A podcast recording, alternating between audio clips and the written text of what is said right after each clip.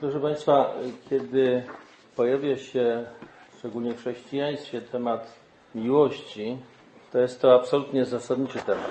Temat zasadniczy, dlatego że miłość właściwie rozstrzyga o wszystkim. Jeżeli jej brak w naszym życiu, oznacza to, że nie znamy prawdy o Bogu i nie mamy z Nim żywej relacji. W pierwszym liście świętego Jana czytamy Umiłowani, miłujmy się wzajemnie, ponieważ miłość jest z Boga. A każdy, kto miłuje, narodził się z Boga. Kto nie miłuje, nie zna Boga, bo Bóg jest miłością. Te słowa są na tyle, powiedziałbym, wyraźne i jednoznaczne, że w ogóle trudno z nimi byłoby ewentualnie polemizować, czy jakoś inaczej rozumieć. Zresztą w innych słowach jeszcze tego samego listu jest to bardzo mocno pokazane. Ponadto, proszę Państwa, kiedy spojrzymy na naukę Pana Jezusa i zobaczymy, o czym On mówi, co nam przekazuje, no to mówi e, podczas ostatniej wieczerzy. Jeśli będziecie zachowywać moje polecenia, będziecie trwać w miłości mojej, tak jak ja zachowałem polecenia Ojca mego i trwam w Jego miłości. Tyle, że to polecenia, które Pan Jezus każe w tym momencie zachowywać, to właściwie sprowadzają się właśnie do przykazania miłości w Jego dwóch wymiarach. Pamiętamy, że kiedyś ktoś go zapytał, a co jest najważniejsze w prawie u proroków, czyli w gruncie rzeczy, co jest najważniejsze w tym przekazie Pisma Świętego, co jest najważniejsze. I wtedy są właściwie dwie wersje tego, bo w jednej wersji Mateuszowej Pan Jezus sam mówi, będziesz miłował Pana Boga swego, z całego swego serca, ze wszystkich sił swoich, a bliźniego swego jak siebie samego. W drugiej wersji Łukasza jest tak, że Pan Jezus zadaje to pytanie, no a co czytasz w piśmie? I on wtedy odpowiada, ten uczony, dokładnie tak samo. I Pan Jezus mówi wtedy, to czyń, a będziesz żył. Co jest najważniejsze w prawie? Do czego się sprowadza? Zresztą jest innych kilka takich stwierdzeń, które są właściwie jednoznaczne, że całe prawo zawiera się w tym przykazaniu miłości. Całe prawo w tym się zawiera. I teraz to jest oczywiste dla chrześcijan, że Ewangelia jest dobrą nowiną o miłości. I to, czego Ewangelia uczy, czego wymaga od nas, to właśnie miłość. Aż po miłość nieprzyjaciół. Jednoznaczną postawę miłości. Natomiast trzeba to jednocześnie widzieć na tle tajemnicy nieprawości, której sami doświadczamy. Ta tajemnica nieprawości jest już objawiona od samego początku w Księdze Rodzaju w trzecim rozdziale. Pamiętamy, jest ten tak zwany grzech rajski, który jest e, swoistym objawieniem, odsłonięciem prawdy o tym, co w człowieku jest, co tam nurtuje w sercu człowieka.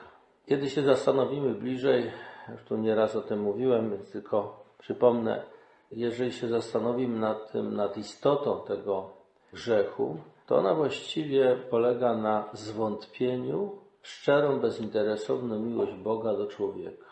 A opiera się na pokusie, którą wyraża wąż. E, na pewno nie pomrzecie, ale wie Bóg, że jeżeli spożyjecie owoc tego drzewa, będziecie tak jak On znali dobro i zło. Czyli będziecie znali wszystko, będziecie mieli Jego moc i władzę. I teraz cała historia biblijna sprowadza się właściwie do jednego.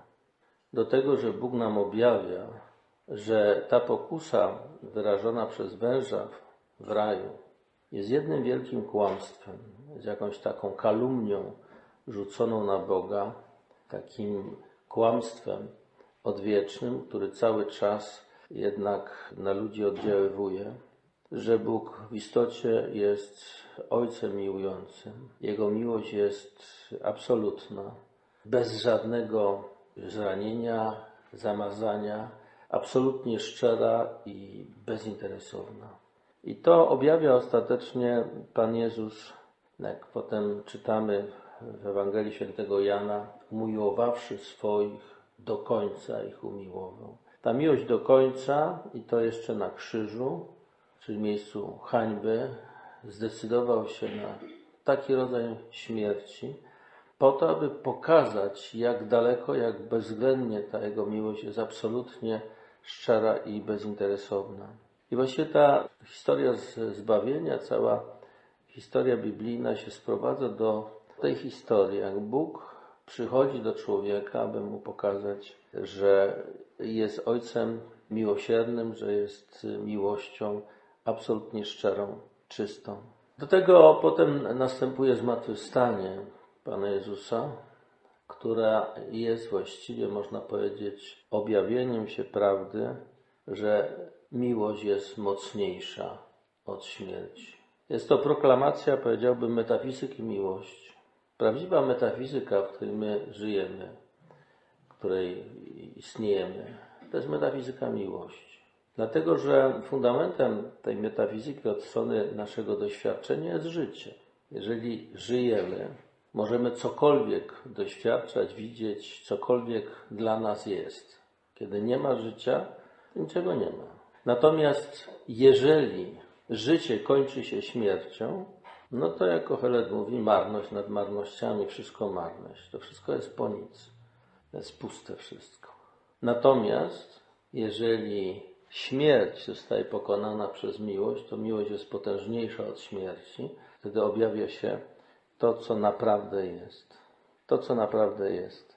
To jest ta prawdziwa metafizyka, która jest metafizyką miłości. Ja myślę, że y, w sposób taki genialny jakby streszcza tą całą sprawę prolog listu świętego Jana, którym Jan to już jest wtedy starzec, mając około 90 lat. List jest pisany chyba w 90 latach pierwszego wieku. I on, proszę zobaczyć, pisze z jakąś, powiedziałbym, młodzieńczą energią, z taką świeżością, której można mu pozazdrościć. Starzec to pisze. To wam oznajmiałem, co było od początku, co usłyszeliśmy o słowie życia, co ujrzeliśmy własnymi oczami, na co patrzyliśmy, czego dotykały nasze ręce, bo życie objawiło się, myśmy je widzieli, o nim zaświadczamy i oznajmiałem wam życie wieczne, które było w Ojcu, a nam zostało objawione. Cośmy ujrzeli, usłyszeli, oznajmiamy także wam, abyście i wy mieli współuczestnictwo z nami. A mieć z nami współuczestnictwo znaczy mieć je z Ojcem i z Jego Synem, Jezusem Chrystusem. Piszemy to w tym celu, aby nasza radość była pełna. To jest bardzo piękny tekst, w którym można tu dużo rzeczy wydobyć, ale chodzi o taką rzecz. Życie objawiło się. Bóg nam dał życie. I On je nam przekazuje. Ono było u Niego, ale On się nim dzieli. Myśmy je dotykali, widzieli. Świadectwo o, o tym spotkaniu z Jezusem, szczególnie chyba już z tym akcentem po zmartwychwstaniu, kiedy to rzeczywiście zauważyli, spotkali zmartwychwstałego i to życie wieczne jakby dotykali bezpośrednio. Ale tutaj chodzi o to, po co my wam to mówimy? Po to, żebyście mieli, to jest w polskim tłumaczeniu, współuczestnictwo. Po grecku jest koinonia schemas, to znaczy właściwie, abyście mieli komunię z nami. Komunia to jest taka więź, że wszystko moje jest Twoje, a Twoje jest moje. I to nie tylko w tym sensie posiadania, ale radości, smutku, tego wszystkiego. Święty Paweł o tym pisze w innym miejscu. Jaka powinna być wspólnota uczniów Chrystusa, abyście mieli komunię z nami. A mieć komunię z nami to znaczy mieć ją z Ojcem i Synem. Przy czym sama komunia jest życiem w Duchu Świętym. Piszemy to w tym celu, aby nasza radość była pełna. Dlaczego dopiero wtedy jest pełna? Bo bez Was nie możemy być prawdziwie szczęśliwi. To jest ten wymiar ostateczny udział w komunii Boga, który jest miłością. To jest ta prawdziwa metafizyka, o to chodzi. I to jest cały sens, powiedziałbym, przekazu, szczególnie Ewangelii, ale całego Pisma Świętego po prostu. Na tym tle dopiero mi się wydaje warto, żebyśmy przeczytali ten hymn i go próbowali odczytać. Gdybym mówił językami ludzi i aniołów, a miłości bym nie miał, stałbym się jak miedź brzęcząca, albo cymbał brzmiący. Gdybym też miał dar prorokowania i znał wszystkie tajemnice i posiadał wszelką wiedzę i wiarę miał tak wielką, iżbym góry przenosił, a miłości bym nie miał, byłbym niczym. I gdybym rozdał na jałmużnę całą majętność moją, a ciało wystawił na spalenie, lecz miłości bym nie miał, nic mi nie pomoże. Miłość cierpliwa jest, łaskawa jest. Miłość nie zazdrości, nie unosi się pychą, nie jest bezwstydna, nie szuka swego, nie unosi się gniewem, nie pamięta złego. Nie cieszy się z niesprawiedliwości, lecz współweseli się z prawdą. Wszystko znosi, wszystkiemu wierzy, we wszystkim pokłada nadzieję, wszystko przetrzyma. Miłość nigdy nie ustaje. Nie jest jak proroctwa, które się skończą, choć zniknie dar języków, choć wiedzy już nie stanie, po części bowiem tylko poznajemy i po części prorokujemy. Gdy zaś przyjdzie to, co jest doskonałe, zniknie to, co jest tylko częściowe. Gdy byłem dzieckiem, mówiłem jak dziecko, czułem jak dziecko, myślałem jak dziecko. Kiedy zaś stałem się mężem, wyzbyłem się tego, co dziecinne. Teraz widzimy jakby w zwierciadle niejasno. Wtedy zaś ujrzymy twarzą w twarz. Teraz poznaję po części. Wtedy zaś będę poznawał tak, jak sam zostałem poznany. Tak więc trwają wiara, nadzieja, miłość. Te trzy. Największa z nich jednak jest miłość. Otóż, kochani, ten hymn ma wyraźnie takie, powiedziałbym, trzy części.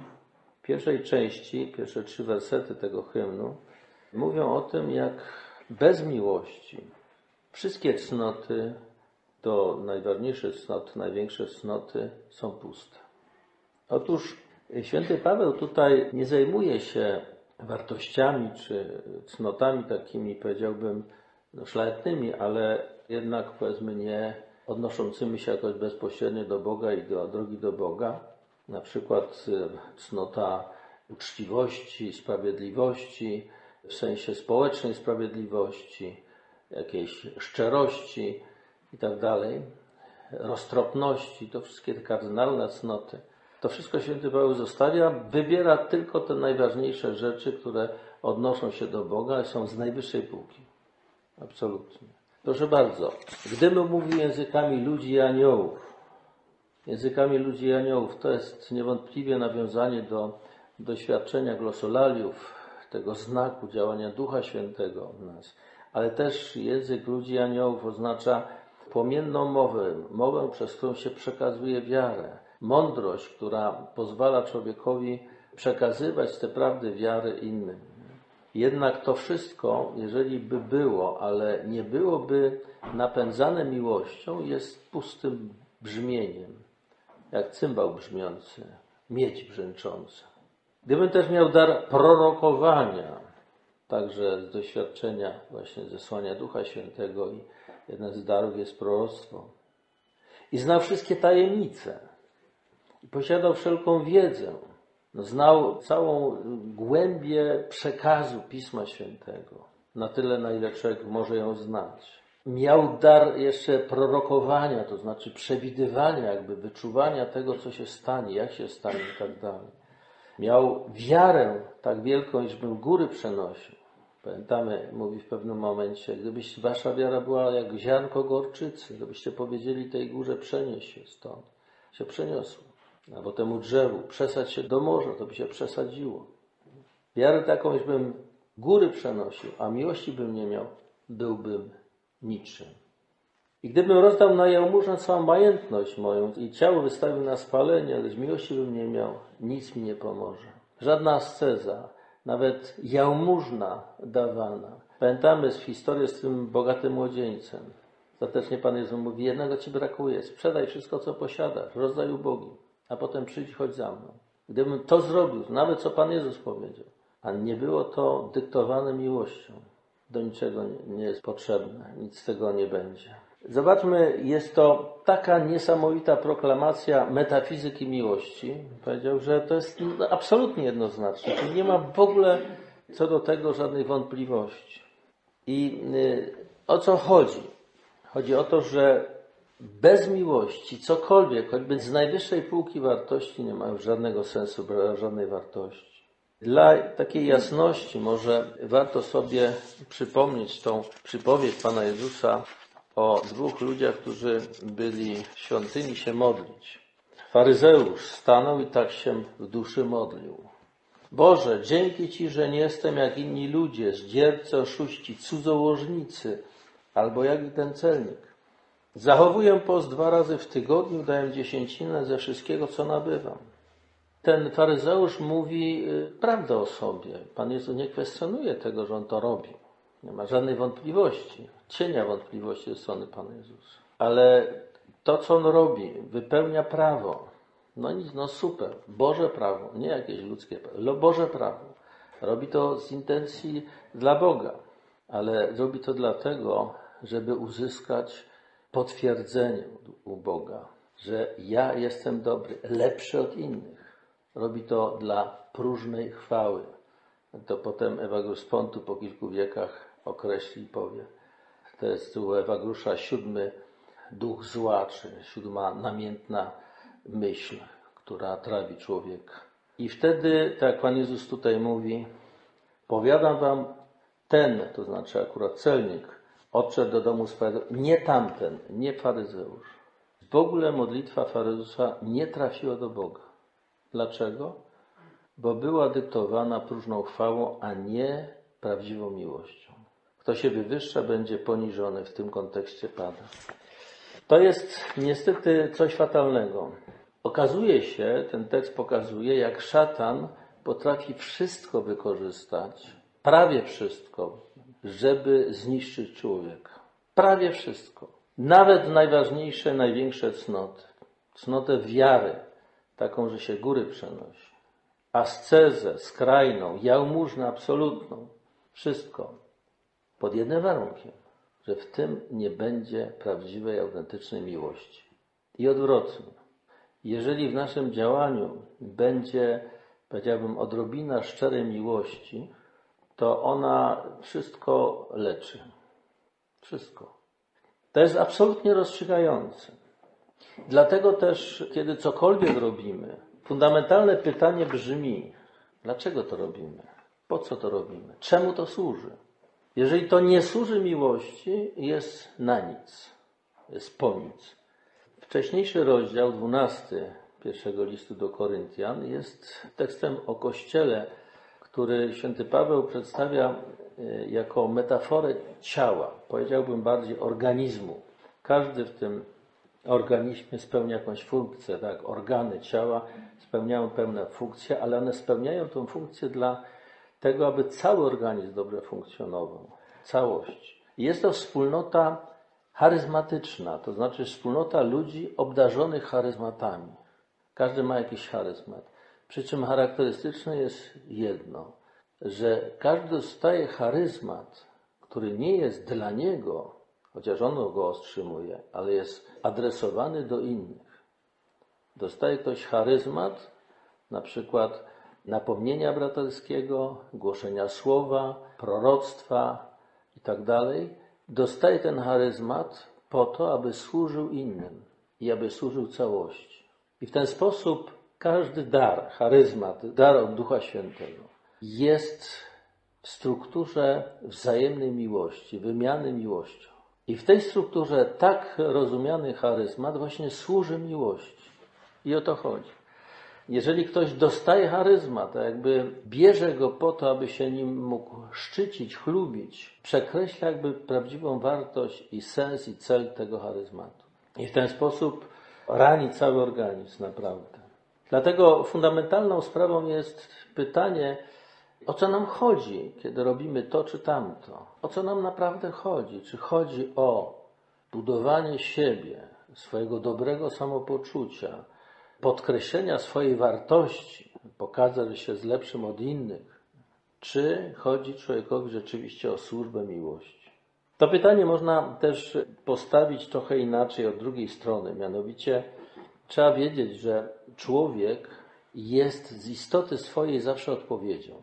To sytuacja, przed którą staje człowiek, domaga się z jego strony odpowiedzi. I ta sytuacja tą odpowiedź jego no, wymusza. Ta odpowiedź jest dobra albo zła, to jest inna sprawa, ale zawsze jakaś odpowiedź musi być. Klasyczny przykład to ta przypowieść o miłosiernym Samarytaninie, kiedy sytuacja spotkania pobitego człowieka zmusza do reakcji. Może to być reakcja obojętności. To nie jest uniknięcie odpowiedzi, reakcji. Jest to konkretna odpowiedź. Odpowiedź obojętności wobec tego człowieka. Albo może budzić reakcję miłosierdzia. Jest to reakcja prawdziwa wtedy. I teraz ważne jest to, gdzie my jesteśmy, kiedy jesteśmy gdziekolwiek. Przed czym stoimy. To najlepiej, kochani, można rozpoznać wtedy, kiedy zostajemy jakby zaskoczeni przez pytanie albo przez jakiś najlepiej zarzut od kogoś. I wtedy się okazuje, jak to jest z nami. Właściwie są dwie możliwości. Albo tak naprawdę stoimy przed, tak to określam, nieznanym trybunałem, przed którym musimy się usprawiedliwić i pokazać, że jesteśmy ok, jesteśmy w porządku, albo stoimy przed Bogiem, Ojcem Miłosierdzia, jak dziecko, które chce słuchać i uczyć się. Niestety najczęściej, kiedy słyszymy zarzut, my się zaraz usprawiedliwiamy, bronimy, tłumaczymy albo wręcz atakujemy, a to świadczy o tym, że jednak jakoś stoimy przed tym nieznanym Trybunałem, a nie przed Bogiem Miłosiernym. Gdybyśmy byli stali autentycznie przed Bogiem Miłosiernym, to byśmy się zaciekawili tym, tak, to zaraz chwileczkę, to może rzeczywiście ja się mylę, może coś, o co chodzi naprawdę. Chcę się czegoś dowiedzieć, chcę wiedzieć, jak to jest, jaka jest prawda o mnie, o moim zachowaniu. Natomiast jeżeli jest to od razu obrona, a tak niestety często jest, no to to jest inaczej. Kochani, i teraz w tym momencie też pokazuje się jeszcze jedna bardzo ważna sprawa, że to przed kim stoimy, o co nam naprawdę w życiu chodzi, co chcemy uzyskać, rozstrzyga o sposobie patrzenia i wartościowania.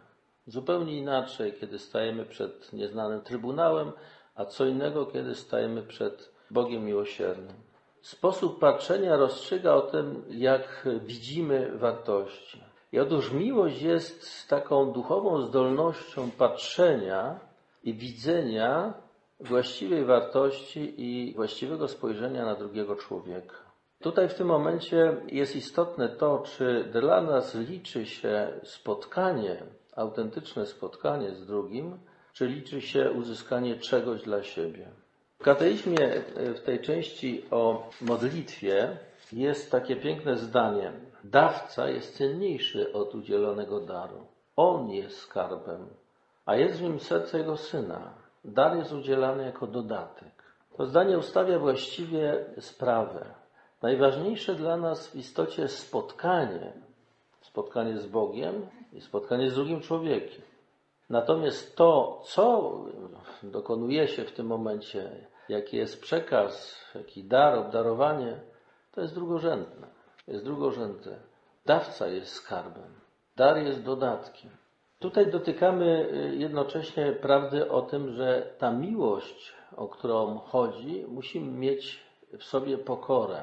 I znowu tutaj kateizm genialnie mówi o tym, że Pokora jest dyspozycją do darmowego przyjęcia daru. To jest ta zdolność przyjęcia czegoś, co otrzymujemy jako dar.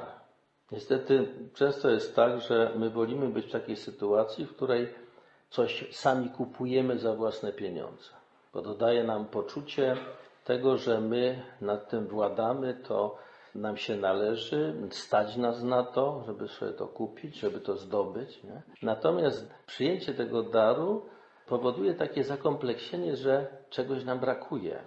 Jesteśmy niedorobieni, nie całkiem sprawni, samodzielni i budzi się właśnie taki zgrzyt, bo nosimy w sobie taki ideał, że byśmy sami sobie powinni dać radę, sami sobie wszystko zdobyć, osiągnąć. Natomiast Bóg mówi, jeżeli się nie staniecie jak to dziecko, a to dziecko przynieśli mu, nawet nie przyprowadzili, go przynieśli, nie wejdziecie do królestwa. Musicie mieć sobie tą prostotę przyjęcia. I ta pokora jest drugą stroną miłości. Bez tej zdolności przyjęcia daru jako daru z wdzięcznością, myśmy tu o tej wdzięczności wcześniej mówili, bez przyjęcia daru z wdzięcznością nie jesteśmy w stanie rzeczywiście przyjąć tego, co jest miłością. Pokora jest drugą stroną miłości. Nie ma miłości bez pokory i nie ma pokory bez miłości. I wtedy otwiera się dopiero ta prawda o naszym sercu, tego co jest w sercu. Wtedy w tej pokornej miłości możemy się autentycznie spotkać z Bogiem. Przypomnę, że serce przez kateizm jest znowu określone jako ukryte centrum w nas samych. W nim rozstrzygają się te podstawowe wybory za życiem lub śmierć. W nim się rozstrzyga to nasze albo, albo, być albo nie być. Natomiast ta miłość do Boga, jeżeli jest autentyczną miłością, musi się wyrazić miłością do tych, którzy są dziećmi Bożymi, czyli do każdego człowieka. I to znowu święty Jan absolutnie jednoznacznie mówi.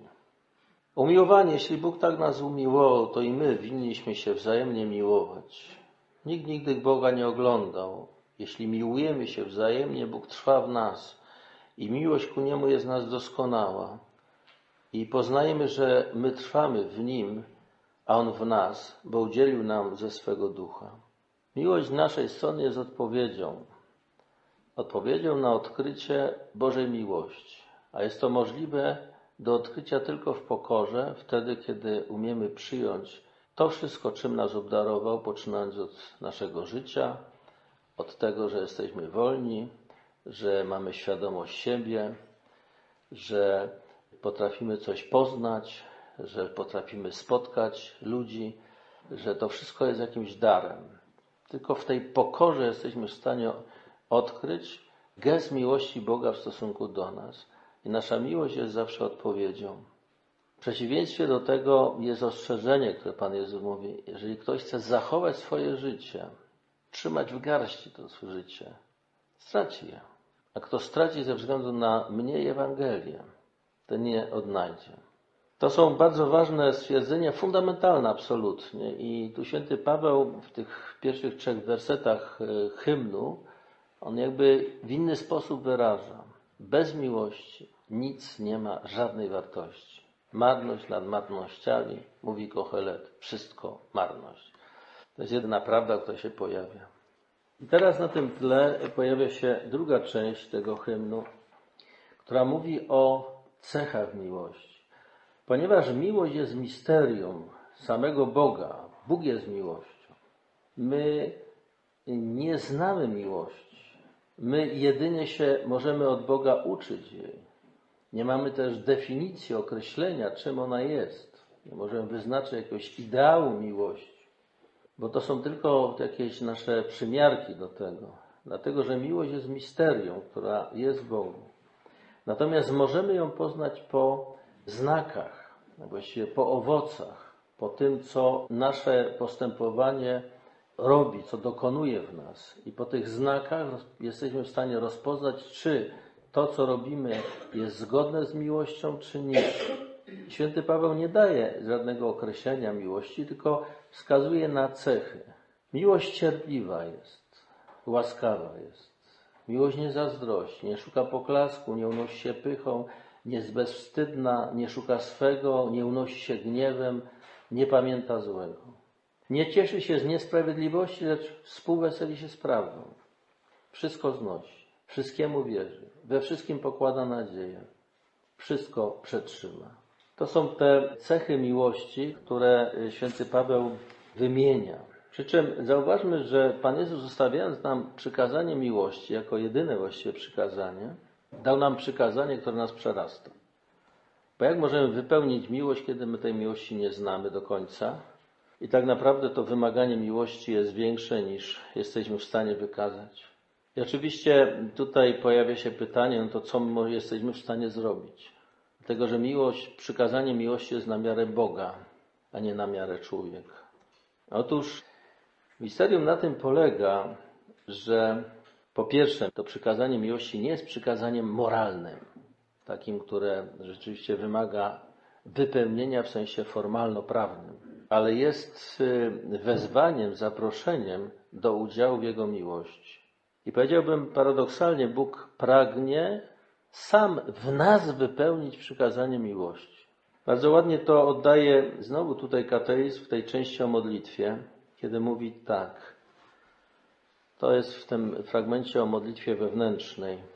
Modlitwa wewnętrzna jest milczeniem, symbolem świata, który nadchodzi lub milczącą miłością, Słowa nie mają tutaj charakteru dyskursywnego, lecz są niczym kawałki chrustu, które podsycają ogień miłości. To w tym milczeniu nieznośnym dla człowieka zewnętrznego Ojciec, Bóg Ojciec, wypowiada w nas swoje słowo, to jest duże litery słowo, czyli Chrystusa, które wciela się, cierpi, umiera i zmartwychwstaje, a Duch, Duch Święty, przybrania za synów pozwala nam uczestniczyć w modlitwie Jezusa.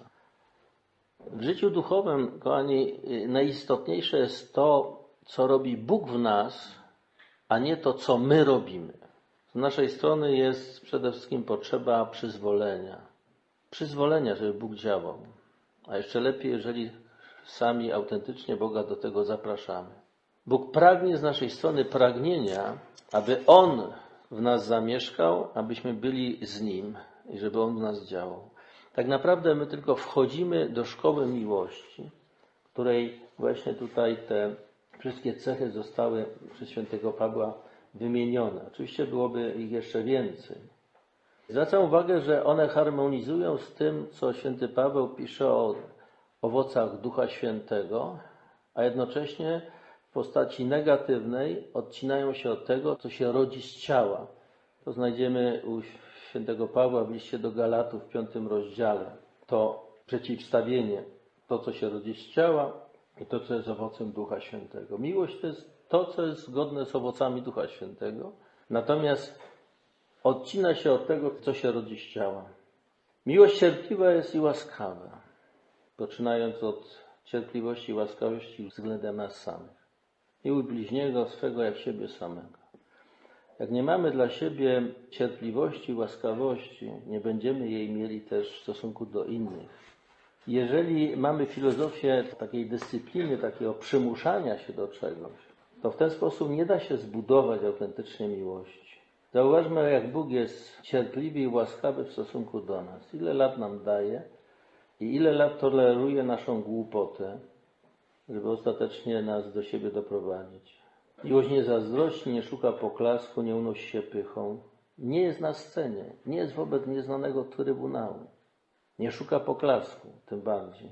Nie jest bezwstydna, nie szuka swego. Miłość jest tym szczerym, bezinteresownym darem z siebie. Nie unosi się gniewem, nie pamięta złego. Współweseli się z prawdą. Wszystko znosi, wszystkiemu wierzy, we wszystkim pokłada nadzieję, wszystko przetrzyma. Wytrwałość jest najważniejszą cnotą moralną Nowego Testamentu. Wszystko przetrzyma. Wytrwałość. Przy czym tutaj fundamentem tej wytrwałości jest przemiana myślenia. Myślenia, które czerpie, powiedzmy, swoją energię z tego spotkania z Bogiem. Wpierw musimy myśleć, co nas doprowadzi do Boga i według tego oceniać to, co się dzisiaj wydarza. Czy to, co robimy dzisiaj, czy mamy podjąć, prowadzi nas do Boga, czy nie prowadzi. A ponieważ prowadzi nas uwaga tylko realizację miłości, więc w gruncie rzeczy pytanie o, o miłość. I potem ta ostatnia część. Miłość nigdy nie ustaje. Nie jest jak proroctwa, które się skończą, choć nikt nie da języków, choć wiedzy już nie stanie. Po części bowiem tylko poznajemy, po części prorokujemy. Gdy zaś przyjdzie to, co jest doskonałe, zniknie to, co jest tylko częściowe. Gdy byłem dzieckiem, mówiłem jak dziecko, czułem jak dziecko, myślałem jak dziecko. Kiedy zaś stałem się mężem, wyzbyłem się tego, co dziecinne. Teraz widzimy jakby zwierciadle niejasno, wtedy zaś ujrzymy twarzą w twarz. Teraz poznaję po części, wtedy zaś będę poznawał tak, jak sam zostałem poznany. Tak więc trwają wiara, nadzieja, miłość, te trzy. Największa z nich jednak jest miłość. Otóż to jest właśnie konsekwentne spojrzenie eschatologiczne. Prawdziwą wartość ma tylko to, co pozostaje, to się ostaje wobec śmierci. I dlatego to się tylko naprawdę liczy. Tutaj pojawia się słowo poznanie. Po części tylko poznajemy, jakby w zwierciadle. Otóż my zwykle poznanie kojarzymy z poznaniem intelektualnym, przyjęciem w rozumie, czy to jakiejś informacji, wiedzy. Natomiast w Biblii poznanie ma charakter egzystencjalny. Poznać kogoś, to znaczy wejść w zażyłą więź z nim. Jeżeli Maryja mówi, że jak to się stanie, kiedy nie zna męża, no to przecież była po pierwszym obrzędzie, my byśmy powiedzieli zaręczyn, a to wtedy był pierwszy etap ślubu.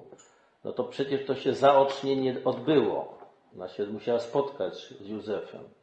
Gdyby już nawet pominąć to, że, że wcześniej go nie znała, no to wtedy musiała się spotkać z nim. No nie ma takiej możliwości, żeby go nie spotkała. Ona mówi, nie zna męża. Dlaczego? Bo nie zaczęłam z nim żyć. Nie żyję z nim w jednym domu, w bezpośredniej więzi, że widzę, czuję, widzę reakcję, przenikam to, co jest w jego sercu. I teraz dzisiaj, jeżeli patrzymy na przyszłość, na tą eschatologię, to co jest tą przyszłością, to my dzisiaj nie mamy innego poznania tej przyszłości, jak tylko w głowie. Przez wiarę, przez y, intuicję, przez obraz, przez y, jakieś słowa, pojęcia. Natomiast naprawdę to nie jest poznanie takie egzystencjalne, namacalne. Ono jest dlatego jakby niejasne, w zwierciadle. Kiedyś poznam tak, jak zostałem poznany, to znaczy jak mnie Bóg poznał. Wejdę w to spotkanie prawdziwe, które będzie tym rzeczywistym poznaniem, w zażyłą więź, innymi słowy, w komunie z Bogiem.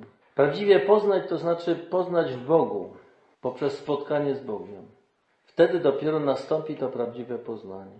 Apostołowie, nawet ci, którzy byli najbliżej Chrystusa, mieli tylko częściowo poznanie. Święty Jan mówił, czytaliśmy to. Słowo życia, ono się objawiło nam, myśmy je widzieli na własne oczy, na nie patrzyliśmy, byśmy je dotykali. Potem jeszcze otrzymali Ducha Świętego, też doświadczenie egzystencjalne. Ale to jeszcze nie było to. To jeszcze nie było to finalne doświadczenie, które nas czeka w Królestwie Niebieskim.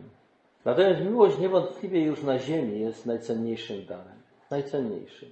Ale znowu zobaczmy, miłość poznaje się po owocach, po tych znakach, które są konkretne, namacalne dla nas. I teraz dla nas wszystko ma sens, nawet w tym ziemskim życiu, o ile niesie w sobie miłość. Choćby w tym najmniejszym, najbardziej elementarnym wymiarze, jakim jest szacunek, zwykły szacunek dla wolności, odrębności drugiego człowieka, dla jego godności. Wtedy się dobrze czujemy.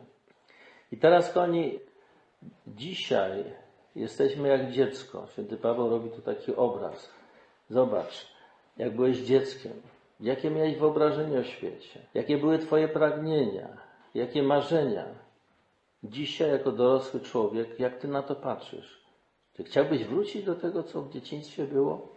w sensie Twojego poznania, zupełnie coś innego. Otóż to jest obraz tego, jak się zmieni nasz sposób patrzenia, widzenia, rozumienia po drugiej stronie, kiedy uzyskamy zupełnie nową perspektywę.